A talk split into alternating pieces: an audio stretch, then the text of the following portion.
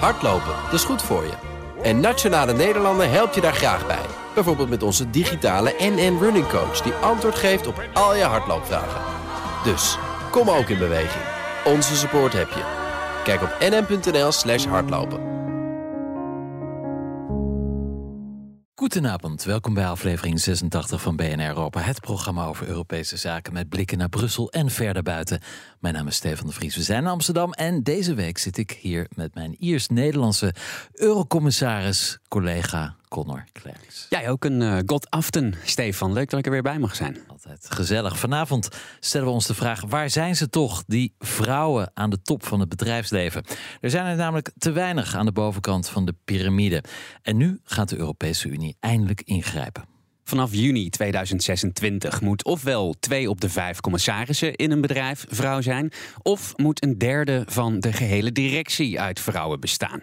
Dat is dus iets anders dan het Nederlandse quotum, wat eerder dit jaar is ingegaan. Hier moet namelijk een derde van je commissarissen vrouw zijn. Als dat niet zo is, dan moet de volgende commissaris die aangesteld wordt een vrouw zijn. Ja, die Europese deadline is al niet meer zo ver weg. 3,5 jaar komt sneller dan je denkt. Zeker als je ook beseft dat de slechtste jongetjes van de klas dit ook moeten gaan halen. En er zijn er nogal wat in Europa. Ja, en wij vragen ons af, hoe zijn wij hier na tien jaar gekomen? Hoe gaat het ons lukken om binnen die 42 maanden dit quota te halen? En misschien nog wel belangrijker, wat gaat er veranderen in onze maatschappij met meer vrouwen in de top? Ja, dat en nog veel meer bespreken met Lara Wolters. Zij is Europarlementariër voor de SND-fractie namens de PvdA. Ze was trouwens ook rapporteur van deze nieuwe wetgeving. En ze zit vandaag in Wenen. En we spreken met Babette Pauls. Zij is hier te gast in de studio in Amsterdam. Zij is onafhankelijk onderzoeker en schrijver van de jaarlijkse Topvrouwen Bedrijvenmonitor. Uh, Babette, wat houdt dat in, in het kort? Uh, de jaarlijkse bedrijvenmonitor die is eigenlijk nu al gestopt. Maar die, oh. uh, die monitorde eigenlijk de vorige streefcijferwet die wij hadden in Nederland. Die is um, 1 januari 2020 komen te vervallen. En dat is de voorloper van onze nieuwe wet in Nederland in de quotum en streefcijfers. En ja, met de commissie monitoring monitorden wij elk jaar hoe het ging met de grote 5000 grote uh, bedrijven in Nederland met het aantal mannen en vrouwen in de top. Ja, dus jij hield het allemaal in de gaten. Ja, we hielden het allemaal in de gaten. okay. Gaan we zo uitgebreid uh, over doorpraten. Maar eerst heb jij volgens mij weer een hitje uit een lidstaat mee, Stefan. Ja, een hit zeker, uit een lid. Luister.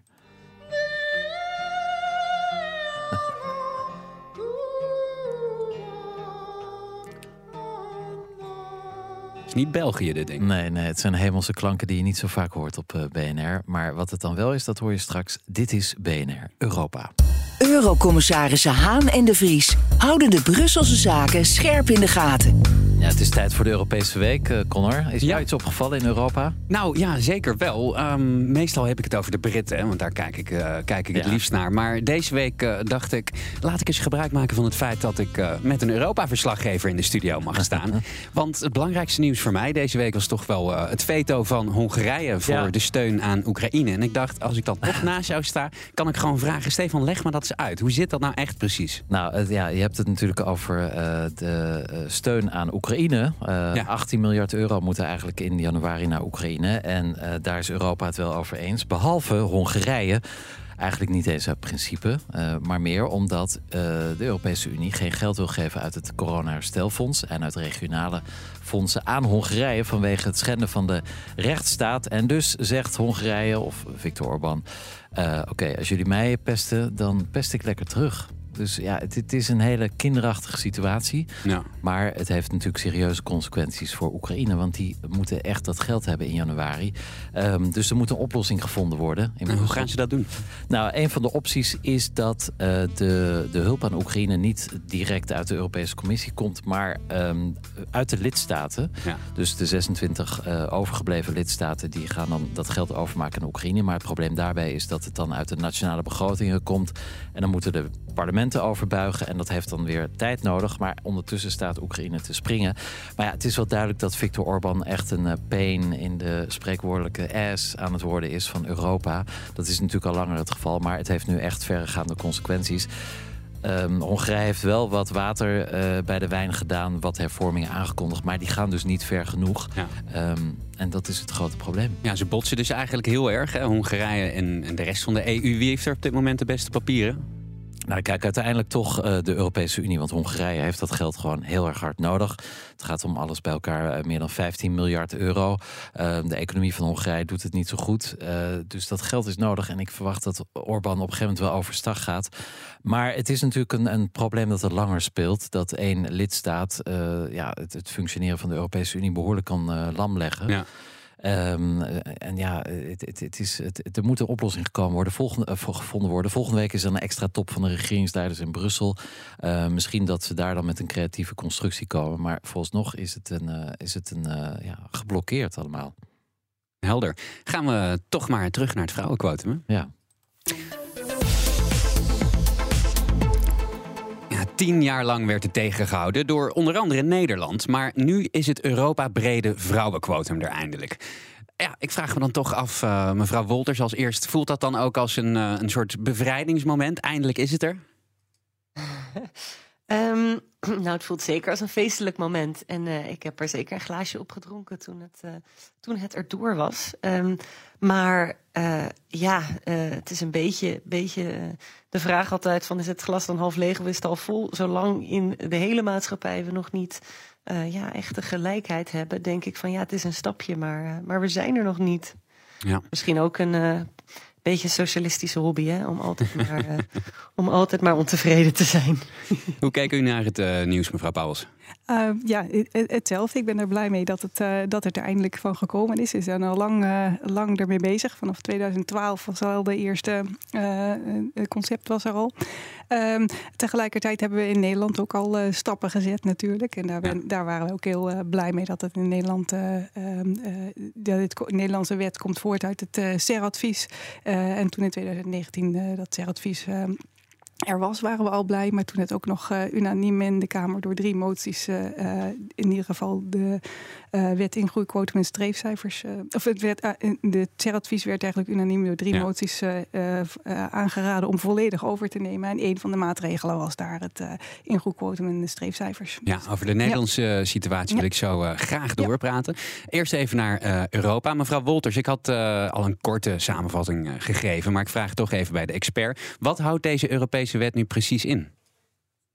Uh, die houdt in dat uh, tegen 2024 dat in uh, beursgenoteerde grote bedrijven van met meer dan 250 werknemers, dat daar ehm, ja, in elk geval 40% vrouwen in raden van commissarissen of raden van toezicht moeten zitten.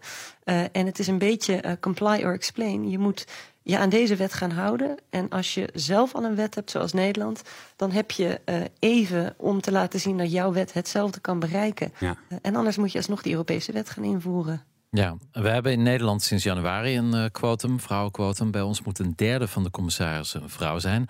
Um, er staan trouwens geen sancties op, vreemd genoeg. Maar als een bedrijf daaronder zit, dan moet de volgende commissaris die benoemd wordt een vrouw zijn. Um, dat lijkt iets minder streng dan de Europese regelgeving. Uh, ja, lijkt iets minder streng. In de praktijk valt het mee. Um, Omdat uh, ja, in de Europese wetgeving moet uh, minimaal 40% van de commissarissen vrouw zijn. In Nederland is dat een derde. Tegelijkertijd, als je de kleine lettertjes van de wet leest, dan is het in Europa die 40%. Ja, die kun je niet altijd halen. Dat ligt ook aan het aantal zetels dat je, dat je hebt in de Raad van Commissarissen. Dus je hebt bijvoorbeeld een, tien zetels, dan kun je die 40% wel halen met vier vrouwen. Maar als je um, bijvoorbeeld uh, vier zetels hebt, kun je die 40% niet precies halen. Want één vrouw is 25% en ja. twee vrouwen is al 50. En in de Europese wetgeving mag je dan het percentage kiezen wat daar dichtst uh, bij zit. Bij die 40%, niet zijn de 50%. Dus in het geval van vier uh, commissarissen heb je in één vrouw genoeg. In Nederland interpreteren we dat cijfer net ietsjes anders. Die een derde die is echt een absoluut minimum. Dus je moet er altijd boven zitten. Dus een raad van commissarissen uit vier, in vier personen in Nederland, die moet minstens twee vrouwen hebben om aan dat quotum uh, te voldoen. Tegelijkertijd in Nederland zijn er, er is wel een sanctie op dat, uh, op dat quotum hoor. Want als je dus uh, de volgende commissaris een vrouw moet zijn, als je die in derde niet hebt gehaald en je benoemt toch een man, dan kan die benoeming nietig worden verklaard. Ja, Daarnaast okay, is de Nederlandse ja. wet breder ook nog. Okay. Die gaat nog verder. We hebben ook streefcijfers voor de raden van bestuur. En bovendien, wat in Nederland de wet breder maakt, ook, is dat het een veel grotere groep bedrijven geldt. Het quotum geldt voor de beursgenoteerde bedrijven, dat is gelijk aan Europa. Maar daarnaast hebben we de 5000 grote vennootschappen die allemaal vrijwillige streefcijfers moeten gaan opstellen. En dat is eigenlijk nieuw in Nederland. Ze moeten daar ook voor over gaan rapporteren aan de Sociaal-Economische Raad. En de Sociaal-Economische Raad heeft een aparte functie gekregen in Nederland. Die gaat bedrijven daarbij helpen en ondersteunen. En um, als de bedrijven rapporteren aan de Sociaal-Economische Raad, worden die rapportages allemaal transparant gemaakt. Via een uh, portaal waar iedereen bij de gegevens kan. En iedereen kan dus zien hoe de 5000 bedrijven in Nederland het doen. En ook de beursgenoteerde bedrijven met het quotum. Ja, dus bedrijven die het niet goed doen, die kun je dan nemen en shamen. Die kun je nemen en shamen. Hoe, hoe, werkt het in Nederland? Het, het is nu sinds 1 januari. Uh, zien we inderdaad dat het effect heeft? Zijn er meer vrouwen aangesteld vergeleken met de afgelopen jaren? Um, nou, we weten nog niet alle cijfers. Want de, de wet is uh, ja, van start gegaan 1 januari 2022. Bedrijven zijn nu druk aan de slag met het opstellen van streefcijfers. Um, en het, het ze moeten ook plannen maken om waarin ze uitleggen hoe ze die streefcijfers gaan bereiken. Daar zijn ze ook druk mee bezig. En um, ze gaan voor het eerst rapporteren als dit boekjaar afgelopen is. Dus als het uh, vanaf 1 januari gaan ze rapporteren over hoe het gaat ja. over het vorige jaar. Tegelijkertijd weten we wel wat, met name van die beursgenoteerde bedrijven. Ieder jaar komt uh, in augustus, uh, eind augustus, begin september, de Female Board Index uit van Mijntje Lukeraad. TIAS in Tilburg. En, uh, en zij houdt nauwgezet bij hoe dat gaat. En we zien dus daar al dat het uh, dat, uh, ja, ook vooruitlopend op, dat, op de invoering van het quotum, de beursgenoteerde bedrijven in de RVC al grote stappen maken.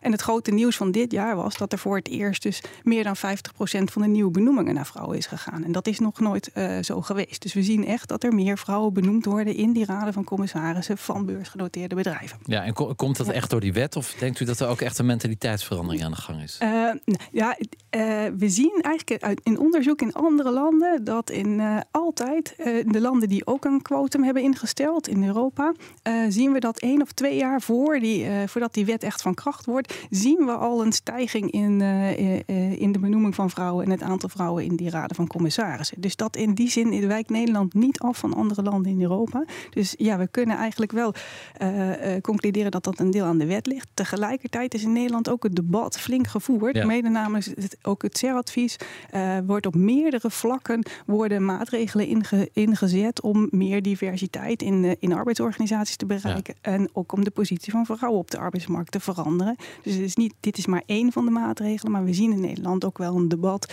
uh, gaande. Dus ook wel een, een, begin van een maatschappelijke verandering. Ja. ja.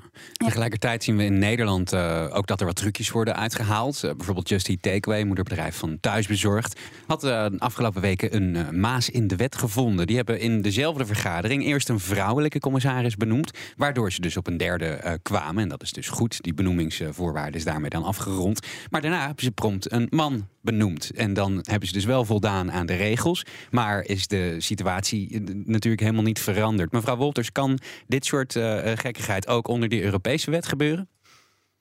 Ja, ik heb daar uh, met ledenogen naar gekeken natuurlijk, naar dat Just Eat Ja, dat kan ik me voorstellen.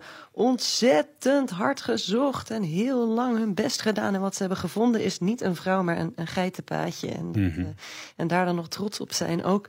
Tenminste, als ik de NOS erop nalees. Um, maar ja, die, die geitenpaadjes, kijk, um, uh, nee, zover ik weet kan dat niet met de Europese wet. Het is natuurlijk wel zo dat, um, ja bedrijven zullen, als, als ze niet willen, uh, dan zullen ze hiermee misschien ook niet over de streep worden getrokken. We ja. hebben geprobeerd om zo, zo scherp mogelijk deze wet vorm te geven en te zeggen: je mag hè, benoemingen terugdraaien, uh, je kan een financiële sanctie krijgen, je moet kunnen worden uitgesloten van openbare aanbestedingen. En toch denk ik, als die wil er niet is, Um, ja, dan moet je het hebben van publieke naming en shaming en niet van een wet. En dan moet je het hebben van ja, een, een, een, uh, ja, maatschappelijke, uh, ja, hè, maatschappelijke oproer, zeg maar. En dat is in dat geval denk ik effectiever. Verwacht u dan ook dat, dat, dat zo'n maatschappelijk oproer volgt op het moment dat een bedrijf, uh, ik ga geen namen noemen, want uh, dat is niet zo heel handig, maar laten we zeggen een groot bedrijf uh, in Europa er niet aan wil voldoen? Nou, we hebben net wel een naam genoemd en terecht. Um, ik denk dat dat, uh, dat dat nu makkelijker kan. Ik denk dat als je zorgt dat het publieke debat um, dat dat gevoerd wordt, en dat, dat doe je ook met zo'n wet, ehm, dat, het ook, ja, dat, het, dat het ook makkelijker wordt om, om, um, ja, om te nemen en shamen. het, het moet allemaal gebeuren. En ik denk niet dat mensen het Europese wetboek erop nalezen. Maar hm. wat wel gebeurt op het moment dat zo'n wet wordt gemaakt, zoals nu. Nou, dan hebben we het erover op de radio, dan staat er wat over in de krant. Mensen denken erover na.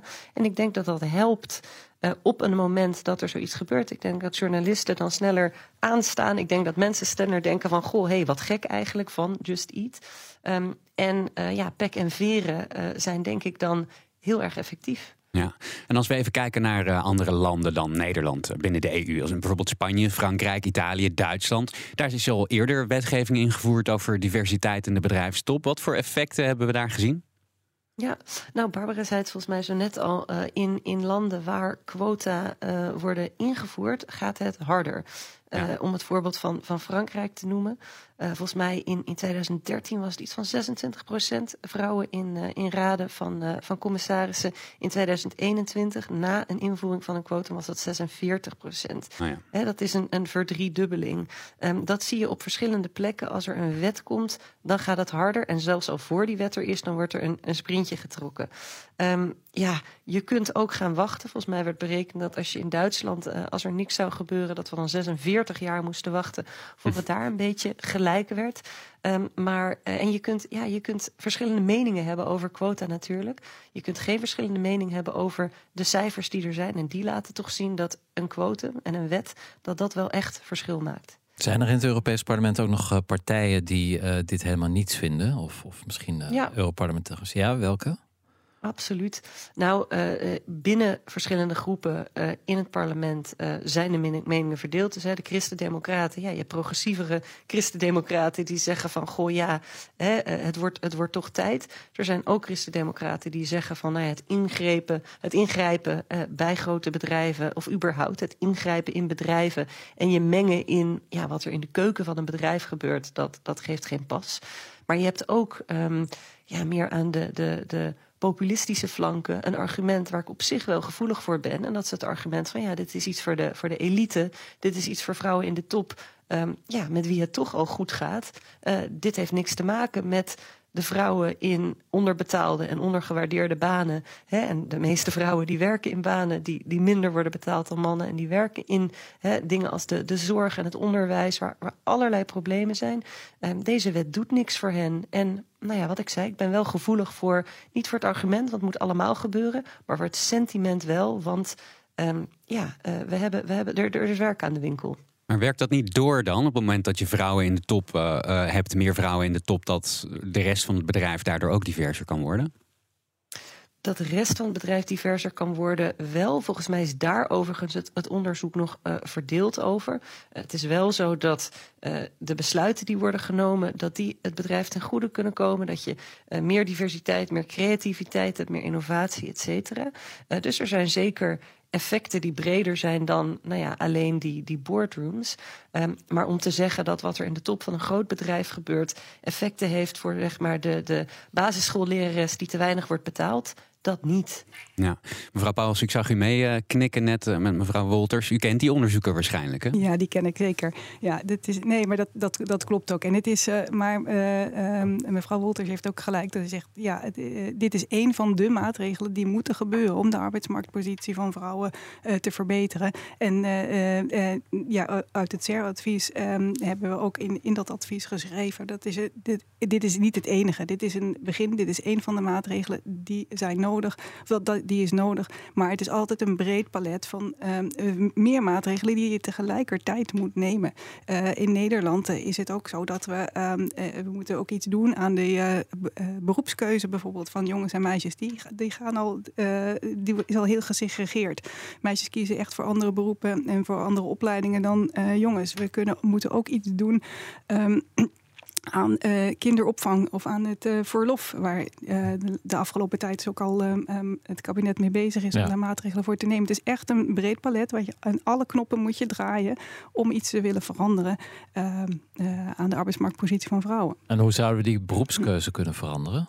Hoe zouden we die kunnen veranderen? Ehm, ja, ook de, dat is ook weer niet één ding. Wat is, er is niet één iets wat daarin werkt, maar onder andere bijvoorbeeld ook die ga ik toch weer even terug naar die vrouwen aan de top. Want stel je voor dat, dit, dat die top diverser wordt. Ehm, dat heeft ook invloed op de beelden die wij hebben van, van leiders. Van wat zijn goede bestuurders, wat zijn goede commissarissen. En het heeft ook weer invloed op jongeren die hun beroep moeten kiezen of die een opleiding gaan kiezen. En van ja, dat kan ik ook worden. Ja. Dat, is, uh, dat, dat werkt ook door. Dus, maar dat is maar ook maar één van de dingen. Dus je kunt nog veel meer ja, dingen misschien. Ja. ja. Lara. Want uh, ja, ik, uh, ik, ik spring daar heel erg op aan. die, die, die beelden de laatste tijd van Elon Musk, die als een soort zonnekoning daar Twitter overneemt. Um, hè, en zegt van iedereen moet zich aan een hardcore werkcultuur committeren. En anders dan, dan vlieg je eruit. Um, dat, ja, dat is schadelijk als het beeld is van hè, een, een, ja, een sterke leider, een sterke man, uh, die neemt dat soort besluiten. En dat is hoe een, een, ja, een succesvol bedrijf eruit ziet. Um, dat, uh, ja, dat heeft effecten natuurlijk op wat meisjes denken over leiderschap, of wat meisjes denken dat ze moeten zijn. Um, daarbij vind ik trouwens ook interessant die hele discussie over lean in. Hè, dat, dat is nu ja. uh, een tijd geleden al, maar dat, dat idee van ja, als je succesvol wil zijn als vrouw, dan moet je, moet je man worden. Hè, dat is een individueel probleem. Jij moet gewoon harder werken werken en, ja. uh, en s'avonds na kinderbed je, je laptop nog aanzetten. Um, maar um, ja, die, die, die grote bedrijven, hoe het er daar aan toe gaat. Um, als daar geen weerspiegeling is van de maatschappij. Dus hè, als meisjes inderdaad niet kunnen zien van uh, het, is, het is heel normaal dat daar ook vrouwen zitten. Uh, en de cultuur die er is, die is ook vrouwvriendelijk. Ja, dan zullen ze uh, een, een, een carrière in het bedrijfsleven minder makkelijk kiezen. Mevrouw Wolters, u noemt nu Twitter hè, met Elon Musk. Um, dat is een Amerikaans bedrijf. We zien nu wel dat op sommige vlakken dat meneer Musk al teruggefloten wordt door Europa. Hè, door bijvoorbeeld ontslagprocedures ja. niet te volgen. Als we dat breder trekken. Nu hebben we het natuurlijk over Europese bedrijven die moeten gaan voldoen aan deze nieuwe regels. Maar is het ook denkbaar dat een Amerikaanse multinational die in Europa wil gaan opereren ook met dit soort quota te maken krijgt? Of ligt dat buiten de macht van Europa? Het ligt niet buiten onze macht. Uh, het is nu niet zo. We hebben het hier echt over Europese bedrijven. Maar het Brussel-effect, dat is wel iets wat gekend is. Dus als je kijkt naar uh, data privacy bijvoorbeeld... en de regels die we daar een aantal jaar geleden over hebben gemaakt... Um, dan zeggen wij wel degelijk van, nou ja, onze markt, onze regels. En dat geldt ook voor Amerikaanse bedrijven.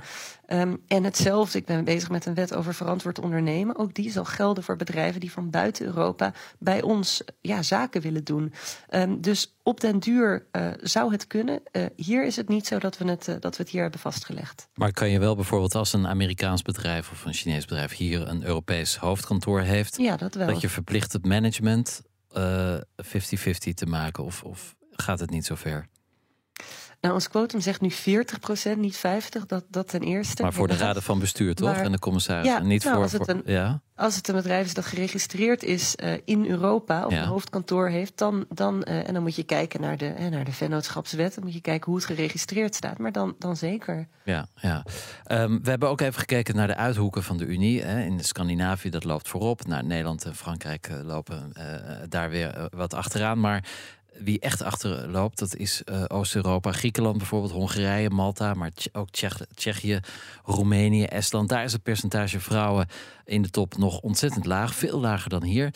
Hebben zij wel genoeg aan 3,5 jaar om aan de voorwaarden te voldoen, uh, Lara Wolters?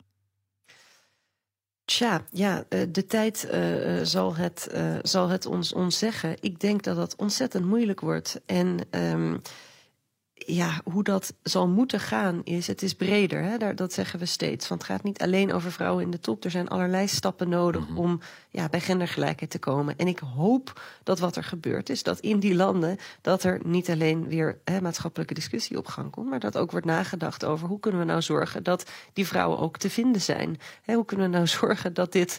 Um, nou ja, dat het ook mogelijk is voor die bedrijven om ja, moderner te worden, hè, uh, gelijker te worden. Want ik denk dat zij zullen zien dat ja, hoe, hoe bij hun op dit moment, um, hoe, hoe de zaken ervoor staan, dat dat hen inderdaad niet in staat stelt om makkelijk uh, in de komende jaren om aan die 40% te gaan zitten. Um, en in Nederland denk ik altijd hè, dat argument van ja, we kunnen ze niet vinden. Dan denk ik, je moet harder zoeken. Want hè, als er toch een land is waar, waar de lijstjes, hè, waar, waar, die, waar die er zijn, dan, uh, dan, is het, dan is het Nederland. Dat Dat, dat is een kwestie van, van beter je best doen, denk ik. maar in deze landen denk ik dat het een kwestie is van, van, ja, van hele structurele veranderingen in de maatschappij. Ehm, en ja, hopelijk zal, dat, zal dat besef er, er nu komen. En wat als het niet halen? Uh, ja, dan hebben we de, de, de tanden waar we het net over hadden. Um, dan, uh, dan zal de Europese Commissie ze op het matje roepen. Um, en dan, um, nou ja, dan hebben we de, de, de boetes. Uh, en dan hebben we de, de uitsluitingen van, van aanbestedingen. en dat soort zaken. maar ja, in dat geval is het natuurlijk wel zo dat de, dat de situatie daar dat die onvoldoende is en dat we nog weer langer zullen moeten wachten. Mevrouw Wolters, krijgen we dan niet nog meer scheefgroei? Bijvoorbeeld als je dan kijkt naar een, Griekenland of Roemenië, niet de rijkste landen in Europa. Als zij hier niet uh, mee kunnen uh, draaien. Het is misschien een beetje oneerlijk om te kijken naar Nederland, waar het al bijna geregeld is of goed geregeld. En dan in één keer te zeggen bij een land wat zwaar achterloopt, dat ze in dezelfde periode dat in één keer moeten gaan regelen. Ja, ze hebben er in principe wel zelf mee ingestemd nu. Ja, dat is waar. Um, dus, dus in die zin, kijk, uh, hè, als zij de afweging hebben gemaakt van, ach, hè, we hebben op dit moment andere, uh, ja, andere gevechten die we Europees willen uitvechten en waar we de poot stijf willen houden, maar hier hè, uh, wrijven met de hand over het hm. hart, dan, dan moeten zij dat zelf weten. Um, ik vind ook ja, dat soort, soort uh, relativisme. Kijk, als, als dit de eerste keer was dat het maatschappelijk debat hierover ging, uh, dan kon je nog zeggen van goh, hè, geef, geef collega's, collega-Europese landen de tijd. In dit geval denk ik van jongens, hè, het, het gaat al tientallen jaren over die scheefgroei in bedrijven zelf. Um, het kan niet zo zijn, en zeker niet omdat dit al tien jaar, hè, een dossier was dat tien jaar vastzit. Het is een wet die we tien jaar er doorheen hebben geprobeerd te krijgen. Uh, ja, dan kan het niet zijn dat ze nu pas wakker worden en zeggen van goh, we hebben te weinig tijd. Ja.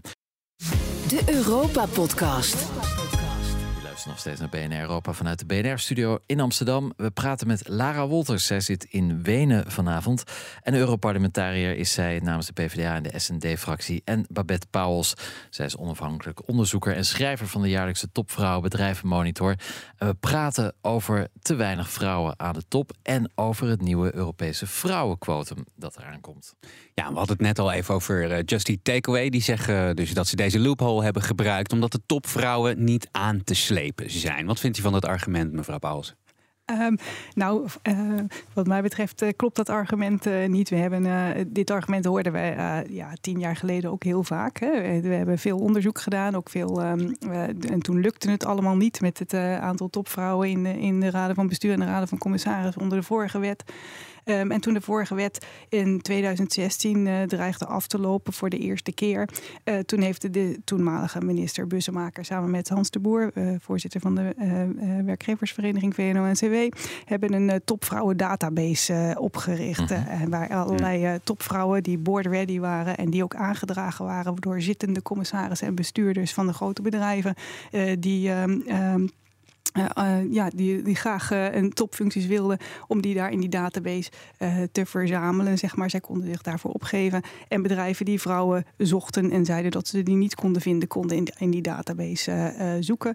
die database is nog, die bestaat nog steeds. Die is um, sinds um, een paar jaar bij de SER gekomen. Dus de SER Topvrouwen Database. Er zitten ontzettend veel gekwalificeerde um, topvrouwen in. Dus het argument van we kunnen ze niet vinden, dat, dat bestaat al jaren niet meer. Dus ze zijn er echt en ze willen ook en ze zijn uh, goed geschikt. Ja, ja. Nou, Mark Rutte zei het ook, hè? Uh, niet dit kabinet, maar het daarvoor, dat hij, dat hij echt hard gezocht had naar vrouwelijke ministers. Maar hij was kennelijk ook niet op de hoogte van deze database van CER. Ja. Precies.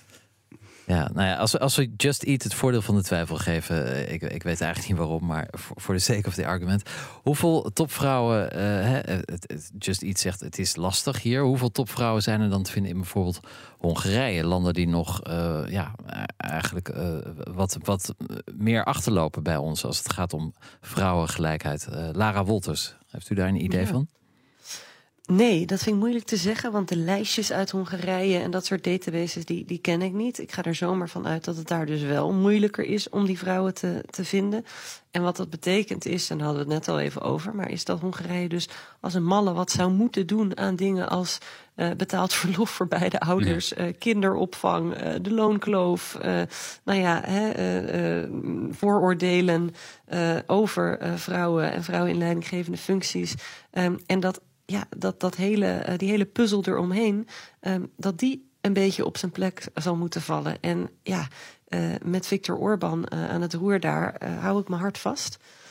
En toch uh, heeft Hongarije dus ook ingestemd hiermee. Hè? Als we nou even uh, over, het voordeel van de twijfel uh, gesproken, nou even van de beste wil uitgaan in alle landen van Europa. Zou je dan bijvoorbeeld als zijn als je kijkt naar de kopgroep, de, Scandinavische landen, misschien in de subtop Nederland ook. Wij hebben hier natuurlijk dit, dit gesprek al heel vaak gevoerd, al heel lang. In elk geval, zolang als ik in de journalistiek zit, gaat het over een vrouwenquotum. Kun je dat exporteren, misschien die kennis, kun je dat uitwisselen met, met landen waar het minder goed gaat? En hoe zou je dat dan doen, mevrouw Wolters?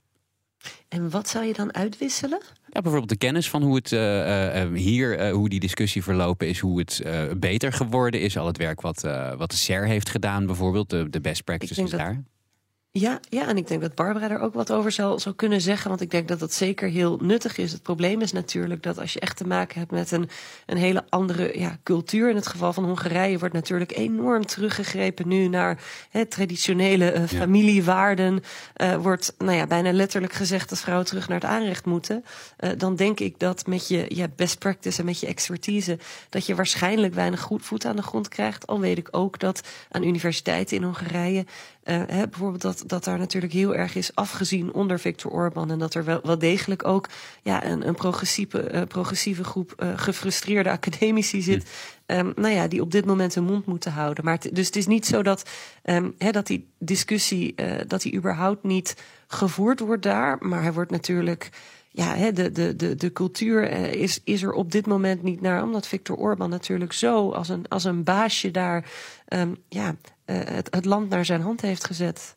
Ja, nou, hij wordt daar nu voor gestraft, hè? Als, als die, uh...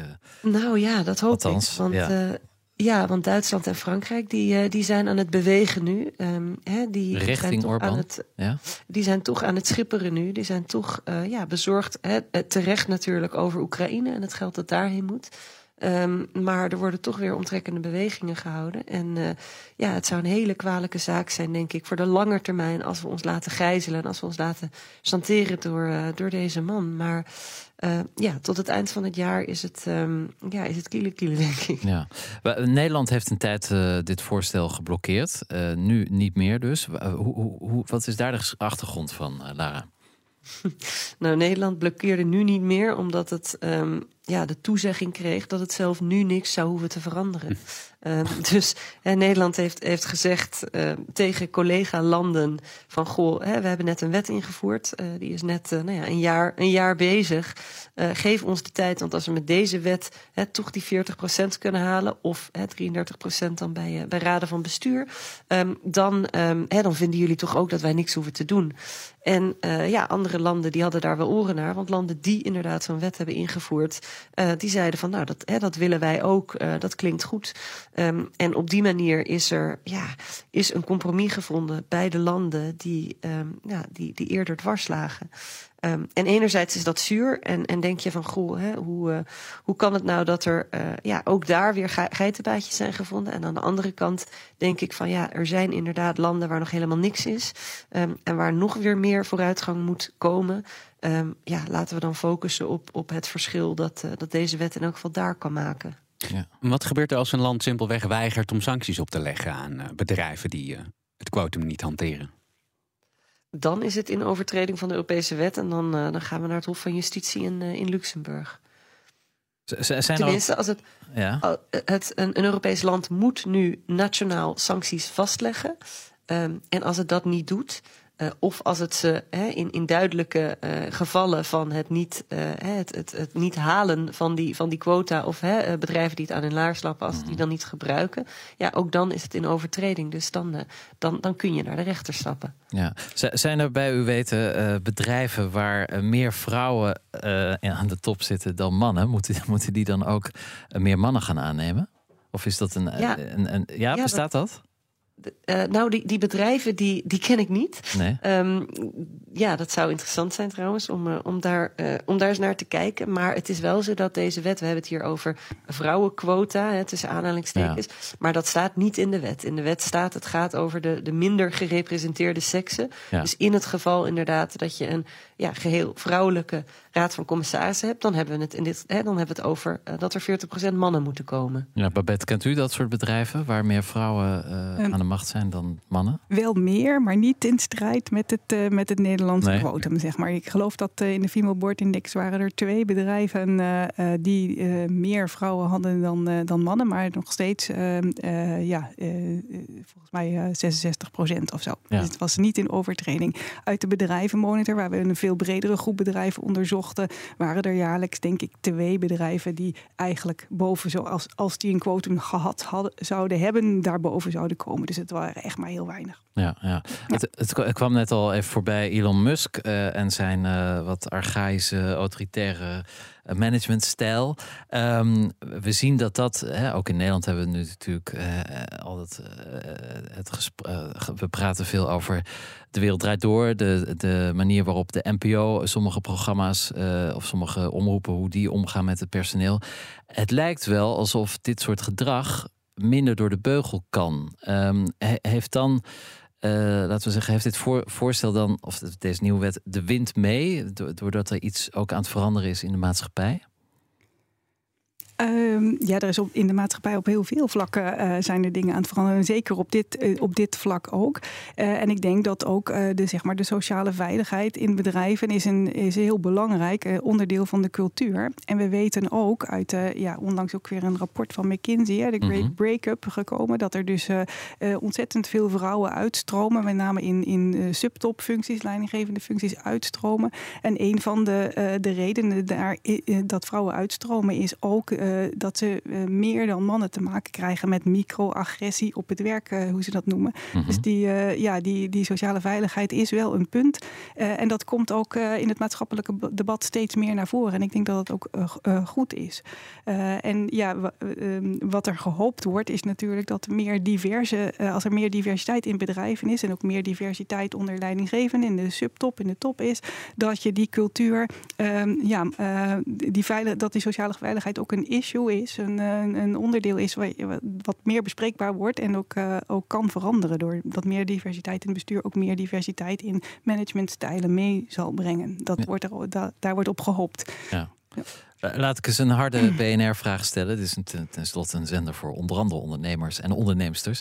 Uh, levert een bedrijf met meer vrouwen aan de top meer op voor de aandeelhouders? Gewoon een keiharde pecunia?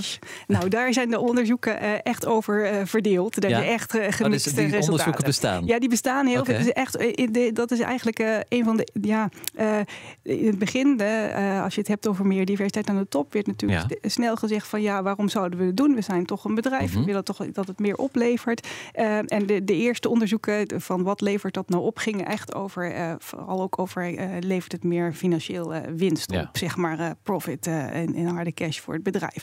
Nou, die onderzoeken, daar werden er een heleboel van gedaan en die spreken elkaar allemaal tegen. Daar hadden ook okay. allerlei verschillende methodologische ehm, ja, tekortkomingen allemaal. Dus dat is moeilijk. Het is ook heel moeilijk om dat echt te onderzoeken, omdat ja. er zoveel andere dingen zijn in de samenleving Tuurlijk. die beïnvloeden ja. of een bedrijf winst maakt of niet. Dus dat is lastig. Wat we wel weten is dat het andere dingen oplevert. En uh, Lara zei het uh, straks al, uh, al, al even. Het levert wel op dat Ehm, de kwaliteit van het bestuur uh, wordt, uh, wordt beter. Dus de opleidingsniveau van, mm -hmm. van commissarissen of bestuurders, dat, dat stijgt.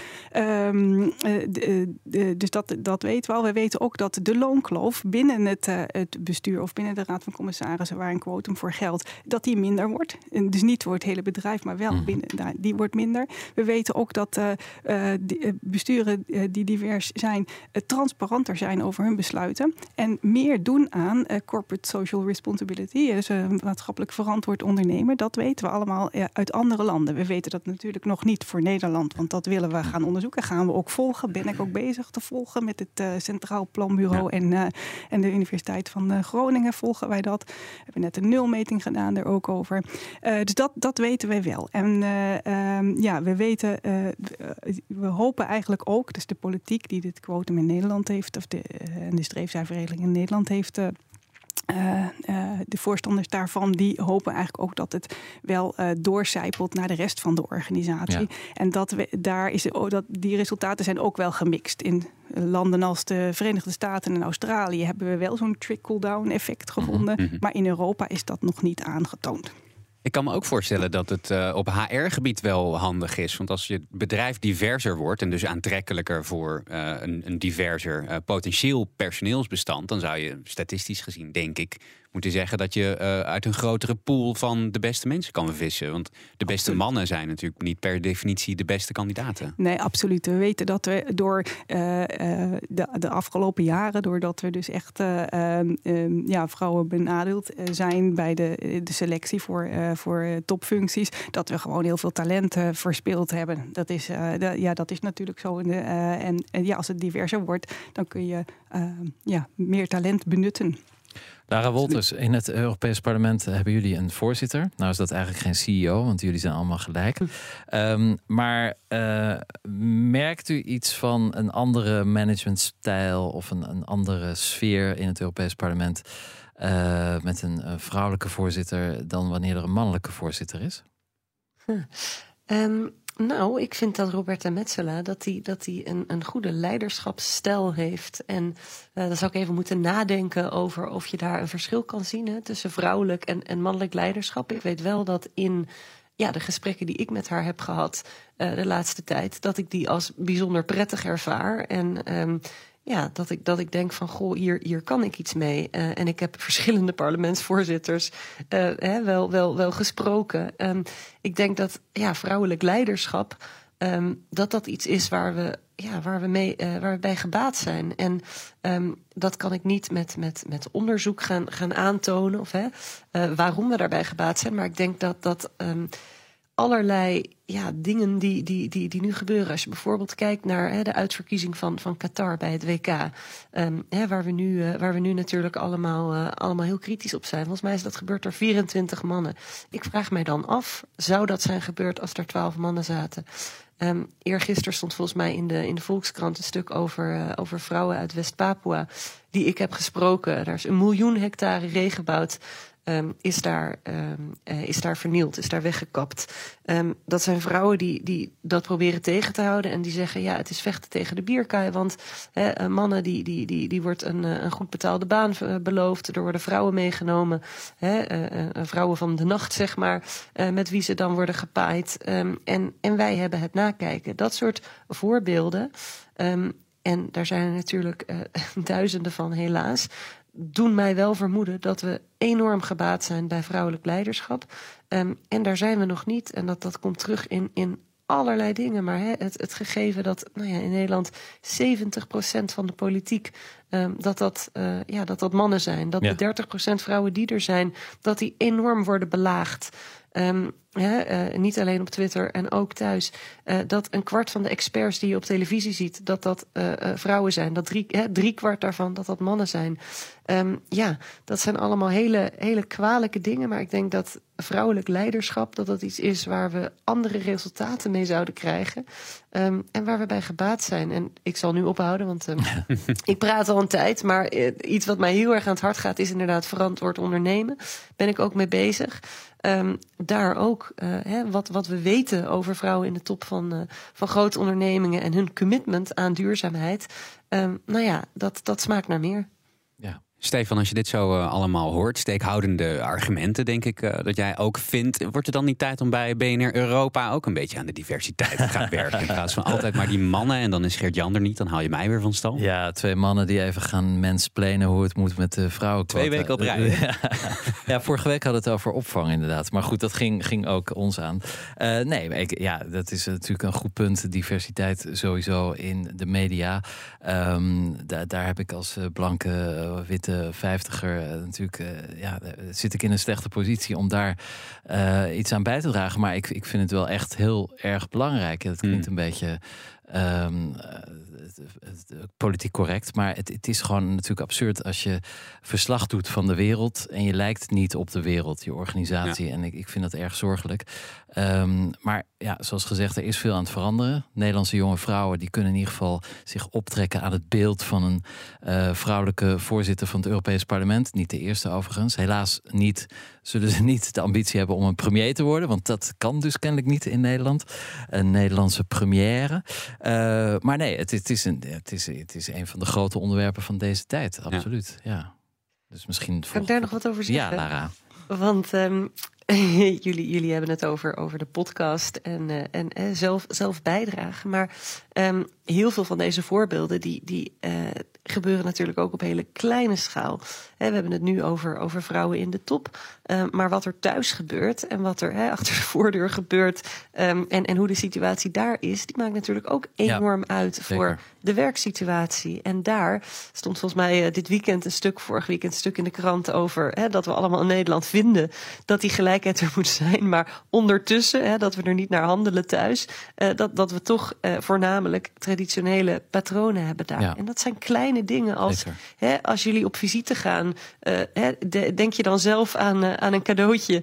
Uh, of hè, denk, denk de vrouw daaraan? Ja, ja. maar hè, als nou, het koffiezetapparaat moet worden ontkookt, wie, wie gaat dan wel doen als het lichtje knippert? Nou, ik, dat zijn ik, kleine dingen. Ik doe alles zelf, want ik ben een alleenstaande ouder met een tweeling. Dus ik, ik, ik, zit in een ander vaatje. Ik kan jullie niet zien, hè? Nee. Van op afstand. Dus nee, maar ik, ik doe wel alles zelf. Maar ja, je hebt maar... een goed punt. En we hadden het natuurlijk ook uitgebreid over in onze uh, podcast van vorige week, aflevering 85, over de kinderopvang. ook een, een belangrijk item. Dus deze twee afleveringen, nou ja, misschien gaat dat wat veranderen op ons kleine niveau. wij doen ons best, nu, nu de rest nog. Zeker. Aan onze gasten zal het niet liggen. Ik dank voor vanavond uh, Babette Pauwels en uh, Lara Wolters in Wenen, Europarlementariër namens de PvdA in de SND-fractie. Dank jullie wel. Dank jullie wel. Dank je wel.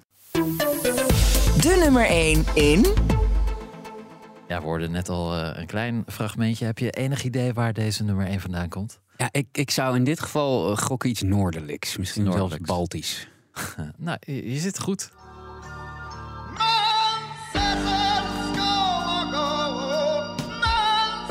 Baltische Pink Floyd het eigenlijk. Ja, dit, dit staat nu deze week op één in uh, Letland. Het klinkt inderdaad heel erg uh, jaren zeventig. Maar uh, het is Halt Simanis, een grote Letse zanger. En het nummer heet Azers. En ja, al die nummers die kun je terugluisteren in een Spotify playlist. volg ons daar. Even zoeken op BNR nummer 1. En reacties eh, op dit programma zijn welkom per mail op europa.bnr.nl of via Twitter op BNR De Wereld. Voor nu, veel dank voor het luisteren. Volgende week eh, zijn we er weer. A je toe. À la prochaine. Hardlopen, dat is goed voor je. En Nationale Nederlanden helpt je daar graag bij. Bijvoorbeeld met onze digitale NN Running Coach... die antwoord geeft op al je hardloopvragen. Dus, kom ook in beweging. Onze support heb je. Kijk op nn.nl slash hardlopen.